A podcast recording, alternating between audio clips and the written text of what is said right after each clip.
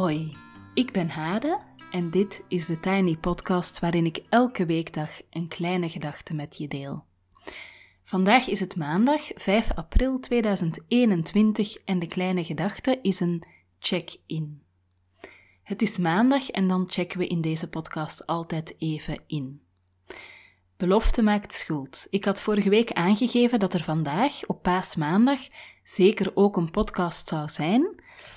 En intussen is het thuis een ziekenboeg, maar ik ben letterlijk door de sneeuw naar mijn kantoortje gelopen om deze podcast toch te maken. Voor degenen die nieuw zijn bij deze podcast vertel ik graag even wat inchecken is en waarom het zo belangrijk is. Um, ik weet niet of jullie dat gevoel kennen, maar ik, ik vermoed van wel. Maar uh, heel vaak ben je gewoon een soort van haastig of druk. Uh, ben je met allerlei dingen bezig of net heel erg op automatische piloot. Um, en dan kan het heel goed zijn om af en toe een keer ja, halt te houden en te voelen hoe het echt met je gaat. Ideaal is als je dat een paar keer per dag kan doen. Maar dat is natuurlijk echt super ideaal voor mensen die, denk ik, geen gezin hebben, geen partner, geen werk uh, en geen huishouden. Die kunnen zich daar heel de tijd mee bezighouden. Uh, nee, ja, ik wil zeker niet cynisch overkomen. Het is super als je dat verschillende keren per dag kan doen. Maar ik denk, uh, als je het één keer per dag of zelfs één keer per week alvast doet, dat dat zeker al een prestatie is. Daarom kies ik ervoor om in deze podcast elke maandag twee incheckvragen te geven waarmee je even kan stilstaan bij jezelf, even voelen hoe het met je gaat, even kijken wat er speelt in je leven, even stilvallen. Um, ik geef twee vragen en daarna ben ik een hele minuut stil en vervolgens ga ik zelf ook even inchecken aan de hand van die vragen. Je kan dat uh, inchecken, kan je schrijvend doen. En het kan bijvoorbeeld een fijn idee zijn om een boekje te nemen waarin je elke week aan de hand van de vragen uit de podcast even incheckt. Dan heb je na verloop van tijd heb je best veel geschreven waar je even naar kan terugkijken uh, en waar je misschien wel wat thema's uit kan halen.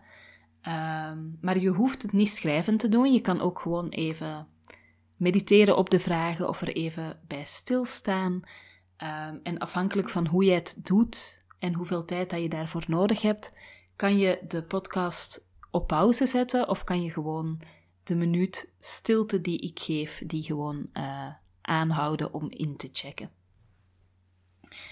Dan de vragen voor vandaag zijn de volgende. De eerste vraag is waarmee jij jezelf voedt. Er is een wezenlijk verschil tussen jezelf voeden en eten. Je kan veel eten, maar als het om lege calorieën gaat, wat betekent dat je voeding met weinig voedingsstoffen tot je neemt, zoals bijvoorbeeld wit brood of witte pasta, dan voed je jezelf niet echt. En voor mij werkt dat ook mentaal. Ik kan bijvoorbeeld echt heel, heel, ja, periodes heel veel Netflixen, uh, heel veel series kijken, uh, en daar blijft altijd dan voor mij een element van uh, onbevredigd zijn.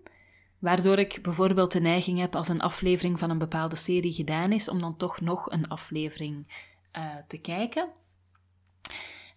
Um, dus ik blijf dan zeg maar hongerig en zoekend. Terwijl als ik iets doe dat me echt geestelijk voedt, zoals een bepaald boek lezen of een podcast luisteren die me heel erg raakt, dan voel ik dat verschil echt heel duidelijk. Dus de vraag is waarmee voed jij je, letterlijk en figuurlijk? En om nog even terug te komen op de witte pasta en uh, wit brood, als het over letterlijk gaat.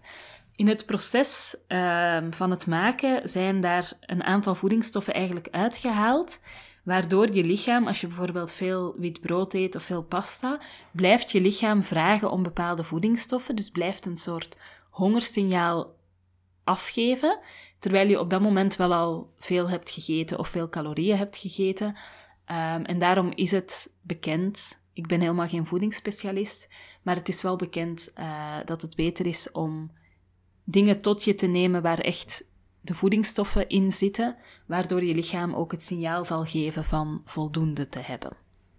Dus de vraag is, waarmee voed jij je letterlijk en figuurlijk? En het grappige is, en nu ben ik heel veel aan het praten, ik ga dadelijk echt een minuut stil zijn.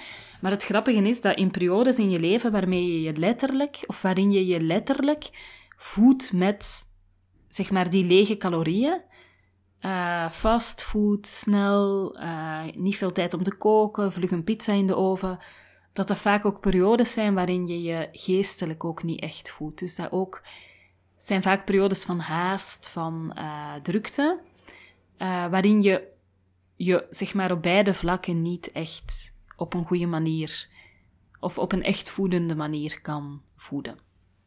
Dus het grappige is dat dat vaak samengaat.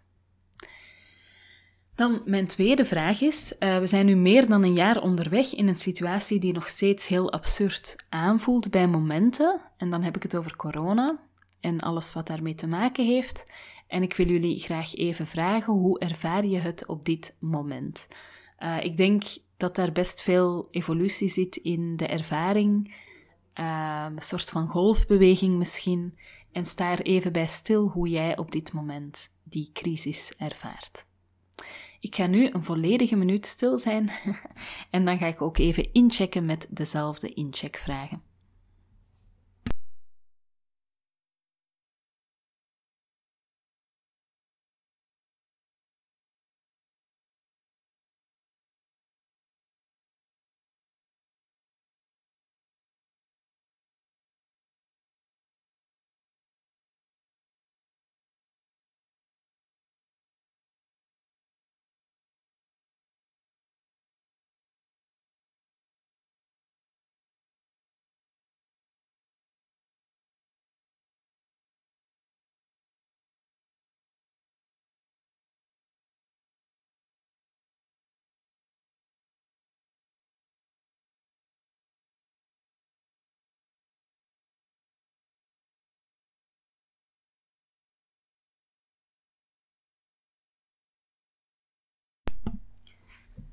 Voilà. Zoals beloofd ga ik zelf ook even inchecken met dezelfde incheckvragen.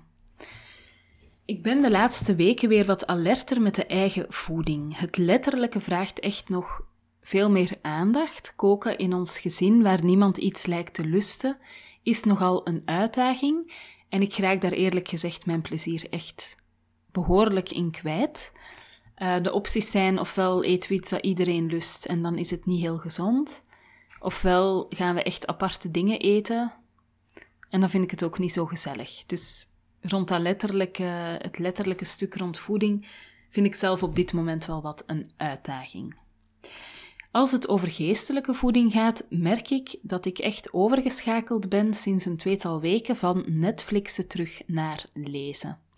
Er zijn periodes dat lezen bijna uitgesloten of onmogelijk lijkt, en Netflixen gebruik ik eigenlijk regelmatig om mijn vaak te volle of actieve hoofd toch uit te schakelen of tot stilte te manen en af te leiden. Mijn gedachten gaan maar door, ik blijf maar ideeën hebben. Uh, als het goed gaat met mij, toch vaak. Uh, maar dat is niet altijd leuk, want je kan niet met al die ideeën iets doen. Um, en dat kan dan een soort van frustrerend geheel geven. Dus um, ja, ik heb gemerkt dat bijvoorbeeld een spannende detective-serie, als het niet te gruwelijk is, dat dat een goede manier is om mijn hoofd even tot stilte te manen. Maar zelfs dan is diep in een boek duiken daarvoor veel fijner. Ik heb de laatste dagen de boeken van Edith Eger of Eger gelezen. Uh, de keuze en het geschenk. Ik merk dat ik heel erg onder indruk ben van beide boeken, maar dat ik de inzichten, dus die boeken zitten echt vol inzichten. Het gaat om het verhaal van een, van een vrouw die uh, als puber eigenlijk een concentratiekamp heeft, of de concentratiekampen heeft overleefd. Daar wel haar beide ouders uh, verloren is en toch uiteraard zwaar getraumatiseerd is. Uh, en die dan eigenlijk over haar leven vertelt, haar levensverhaal. Uh, hoe zij zelf omgegaan is met dat trauma en hoe zij ook als psychologe andere mensen met trauma heeft geholpen. Dus het ene boek, uh, De Keuze, is um, haar levensverhaal. En het geschenk is een geheel van twaalf inzichten. Er zit behoorlijk wat overlap, tot en met dat sommige fragmenten letterlijk hetzelfde zijn uh, in de keuze en in het geschenk.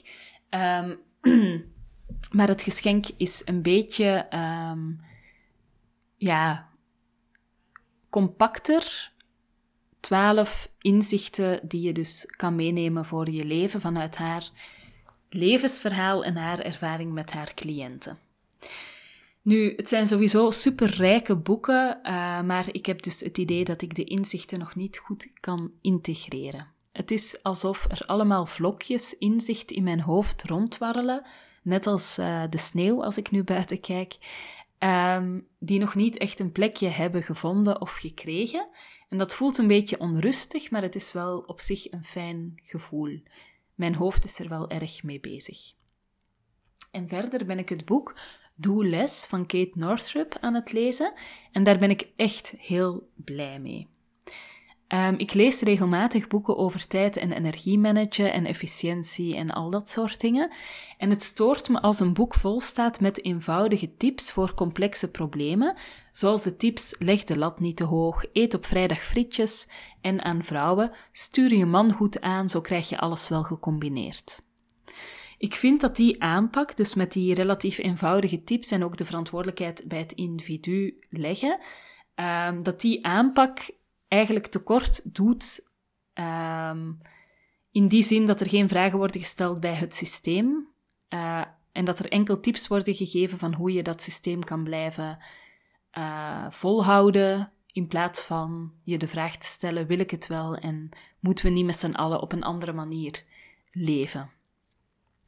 Um, ik denk bijvoorbeeld dat een van de problemen is dat we, en ik denk heel vaak ook vrouwen en ouders, veel rollen moeten oppakken en combineren, zeker nu in deze coronatijd, uh, zonder de noodzakelijke en natuurlijke resources die we, die, we, die we echt nodig hebben om bijvoorbeeld kinderen op te voeden, zoals uh, een tribe. Uh, ik denk dat in deze hele coronacrisis het feit dat we echt ook afgesneden zijn geraakt van elkaar en van onze tribe, die waarschijnlijk ook al niet zo indrukwekkend sterk was, want we zijn natuurlijk heel erg aan het leven volgens het model van kerngezinnen waarin alle functies worden opgenomen. Uh, nu weet ik niet meer waar mijn, mijn zin begonnen is. Uh, ja, dus ik denk dat de coronacrisis nog meer al die rollen binnen dat kerngezinnetje uh, hebben neergelegd en nog meer muren rondom dat kerngezinnetje hebben gebouwd. En dat de dingen die we eigenlijk binnen dat kerngezin allemaal moeten combineren, dat dat totaal onnatuurlijk is. En als je dan boeken vol schrijft met haal maar frietjes op vrijdag en leg de lat niet te hoog en stuur, maak een takenlijstje voor je man, dan weet hij ook wat hij moet doen. Dan denk ik dat je echt voorbij gaat aan het stellen van die diepere vragen. En ik denk, als we die diepere vragen eens stellen, omdat we allemaal op vrijdag frietjes halen en allemaal takenlijstjes maken voor onze partners, uh, dan denk ik dat we maar voort blijven sukkelen in een eigenlijk onmogelijk systeem. Ik was heel bang dat het boek Doe Les, dat ook zou zijn, zo'n boek van doe maar minder, schrap maar dingen, delegeer maar. Uh, zo'n beetje zo'n boek van geprivilegeerde ja, vrouwen voor andere geprivilegeerde vrouwen die de kans hebben om inderdaad taken uit te besteden en op vrijdag frietjes te gaan halen. Maar het boek is echt heel anders. Um, omdat de schrijfster heel letterlijk zelf aangeeft dat ze niet wacht op beslissingen van hoger hand die haar toelaten om te leven wat zij belangrijk vindt. Um, ik ga het gewoon even navertellen. Ik hoop dat ik, dat ik het zo correct mogelijk doe. Um, maar zij beschrijft bijvoorbeeld dat ze echt niet gaat wachten op de beslissing van een of ander politiek systeem dat zij een aantal weken verlof mag hebben nadat ze een baby heeft gekregen, maar dat ze zelf zorgt dat ze buiten dat systeem werkt en haar eigen systeem opbouwt, zodat zij niet afhankelijk is van anderen om te krijgen wat ze eigenlijk nodig en belangrijk uh, vindt. Um, dus zij geeft aan dat zij ervoor gekozen heeft om alvast te leven op een manier die zij waar zij in gelooft en die zij ook duurzamer vindt voor de maatschappij.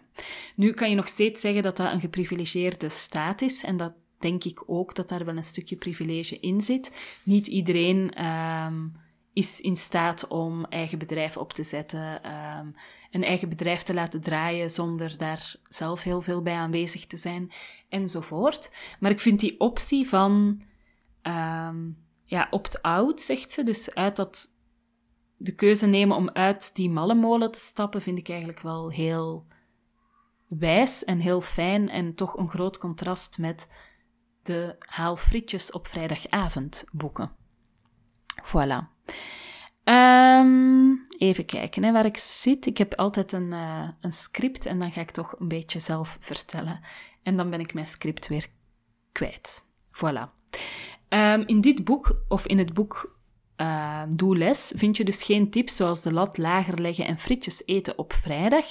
Maar onder het motto, uh, because the only way to create a new system is to be it, omarmt ze bijvoorbeeld het cyclische leven. En cyclisch kan menstrueel betekenen. Dus als vrouw heb je, uh, een, of ja, in je vruchtbare jaren heb je een cyclus doorheen de maand met verschillende fases waarin je uh, beter bent in bepaalde taken of bepaalde bezigheden.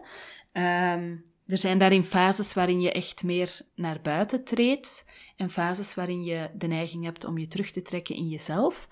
Um, en een van haar ideeën is dus om te leven volgens die cyclus. Um, en moest je nu een man zijn of een vrouw zonder een cyclus, kan ook, of whatever, uh, dan kan dat bijvoorbeeld ook de cyclus van de maan zijn. Um, en ik vond dat eigenlijk een heel voedend boek, omdat het heel erg resoneert met mijn aanvoelen. Ik heb echt heel veel productiviteitsboeken en cursussen gelezen en gezien. Um, en die leren je toch vooral om in het bestaande systeem zo efficiënt en succesvol mogelijk te zijn, waarbij alle dagen eigenlijk op elkaar lijken. Dus um, ja, elke dag ben je bezig met acht uur werken en probeer je in die acht uur zoveel mogelijk uh, te doen. En ik vind het heel fijn dat dit boek daar komaf mee maakt en dat dit boekje eigenlijk aanmoedigt om niet meer per dag uh, heel lineair een soort lijstje in je hoofd te hebben van wat ga je dan doen, maar om meer cyclist te kijken in fases en te gaan zoeken van wat doe ik best in welke fase en wanneer geef ik mezelf tijd om te rusten en te herbronnen en wanneer is het net tijd om heel hard uh, door te gaan. Um, ik ga hier de komende tijd zeker mee experimenteren en ik kom hier uiteraard ook op terug. Als het werkt, dan ga ik daar heel veel over vertellen, denk ik. Voilà. Um, de tweede vraag uh, ging over hoe we op dit moment die coronasituatie ervaren. Uh, en ik herinner me dat ik een jaar geleden enerzijds gespannen en bang was en anderzijds heel intensief aan het creëren. Er is toen zo'n soort incident geweest met een andere moeder in een tuin, uh, waar ik dan echt heel erg om moest huilen. Dat kan ik mij nu ook niet meer goed voorstellen. Maar ik, ja, ik weet nog dat ik het bijvoorbeeld doodeng vond toen om naar de supermarkt te gaan of uh, ja, bepaalde andere dingen te doen. Uh, en dat elke stap buiten, buiten het huis voelde als een soort risico. Uh, en op dit moment is dat wel allemaal wat relaxter. Um, maar ik vind het wel grappig om daar nog eens aan terug te denken.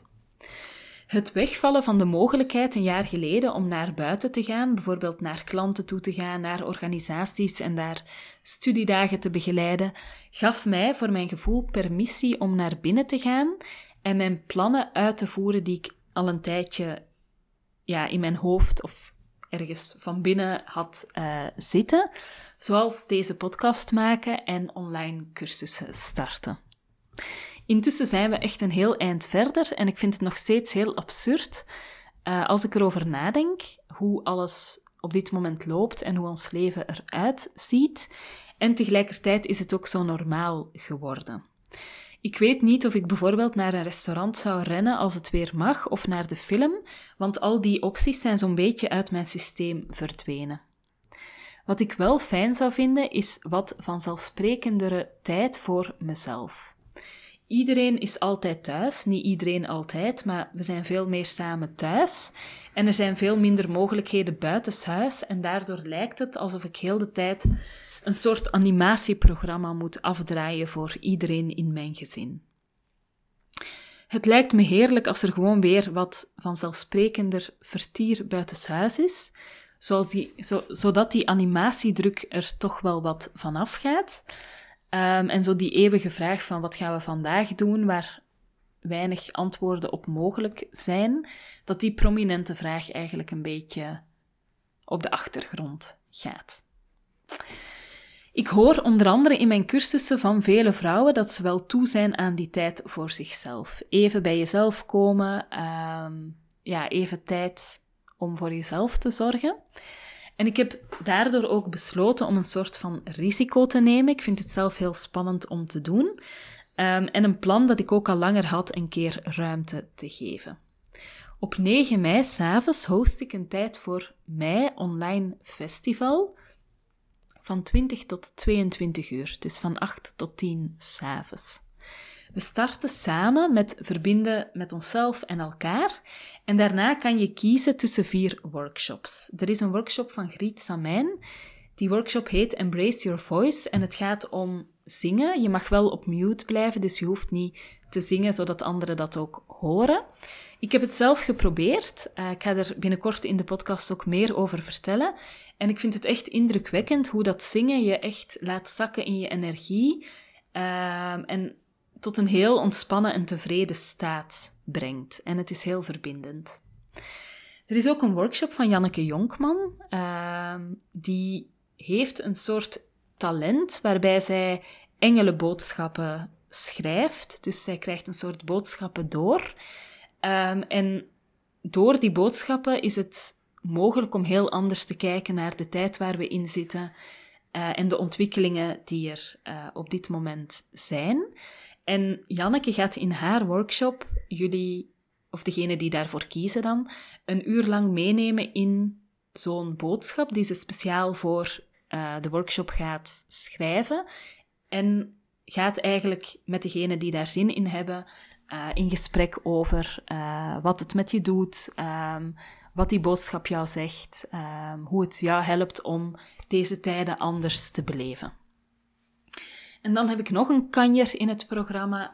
Larissa Pietralla is, echt, is ook een Vlaamse in Haarlem, is mijn doula geweest, is mijn uh, of heeft mij tijdens mijn zwangerschap ook erg uh, geholpen. Zij is yogadocente um, en zij werkt heel veel ook rond hormonen. En zij geeft die avond een workshop, Rock je hormonen, om eigenlijk via een aantal kleinere ingrepen hormonaal uh, wat beter in balans uh, te zijn. En Larissa is echt een ontzettend fijne, inspirerende, wijze vrouw. Dus ik vind het heel jammer dat ik zelf ook een workshop moet geven, want anders zou ik zeker ook, nou, ik zou elke workshop willen meedoen, maar zeker ook die van uh, Larissa. Nu, ik geef zelf ook een workshop en die heet uh, Zelfzorg voorbij de hashtag selfcare. Um, omdat er de laatste tijd heel veel van die boodschappen zijn dat je maar voor jezelf moet zorgen. Categorie commercieel categorie met een bruisbal in bad. En ik wil graag even gaan kijken naar wat zelfzorg op een dieper level kan betekenen. En jullie natuurlijk daarin meenemen. We besluiten die avond met een live online concert van Anne Ermens. Um, en dat heb ik recent een keer gedaan op een wat grotere studiedag. En iedereen had kippenvel, tranen in de ogen. Um, dus was voor mij heel belangrijk dat Anne de avond kan afsluiten of het event kan afsluiten. Want ja, zelfs online weet zij mij altijd enorm te raken en uh, vind ik het altijd echt heel ontroerend uh, en kwetsbaar en fantastisch hoe zij zingend een bepaalde boodschap kan overbrengen. Voilà, ik zou het echt super fijn vinden als jullie erbij zijn, uh, want uh, het is best een risico voor mij om dit te organiseren. Um, en ik heb best wel wat inschrijvingen ook nodig om het te doen werken. Um, je kan voor 12,5 euro kan je een ticket kopen en dan kan je dit alles gewoon bij je thuis meevolgen. Dus um, we starten samen, je kiest voor een van de vier workshops en we sluiten samen af met dat concert. En op die manier heb je op 9 mei van 8 tot 10 s'avonds even ruim de tijd voor jezelf. In de show notes zet ik het linkje waarmee je je kan aanmelden en ik zou het echt super hard waarderen als we er die avond met zoveel mogelijk uh, zijn. Uh, om even tijd met onszelf en elkaar te vieren. Je doet er mij echt heel erg een plezier mee, maar ik beloof dat je jezelf ook echt een plezier doet met je deelname. Tot zover voor vandaag. Je kan me volgen op Instagram, TheTinyPodcast. Als je je abonneert via bijvoorbeeld Google of Apple Podcast, in Spotify of in je favoriete podcast-app, krijg je telkens de nieuwste aflevering in je overzicht en dat is elke weekdag. Als je de podcast doorstuurt naar iemand die er ook graag naar luistert of hem deelt op social media, help je de podcast groeien. Voor nu wens ik je een fijne dag en heel veel goeds en graag tot morgen, dan is er het geheim van de vrouwencirkel.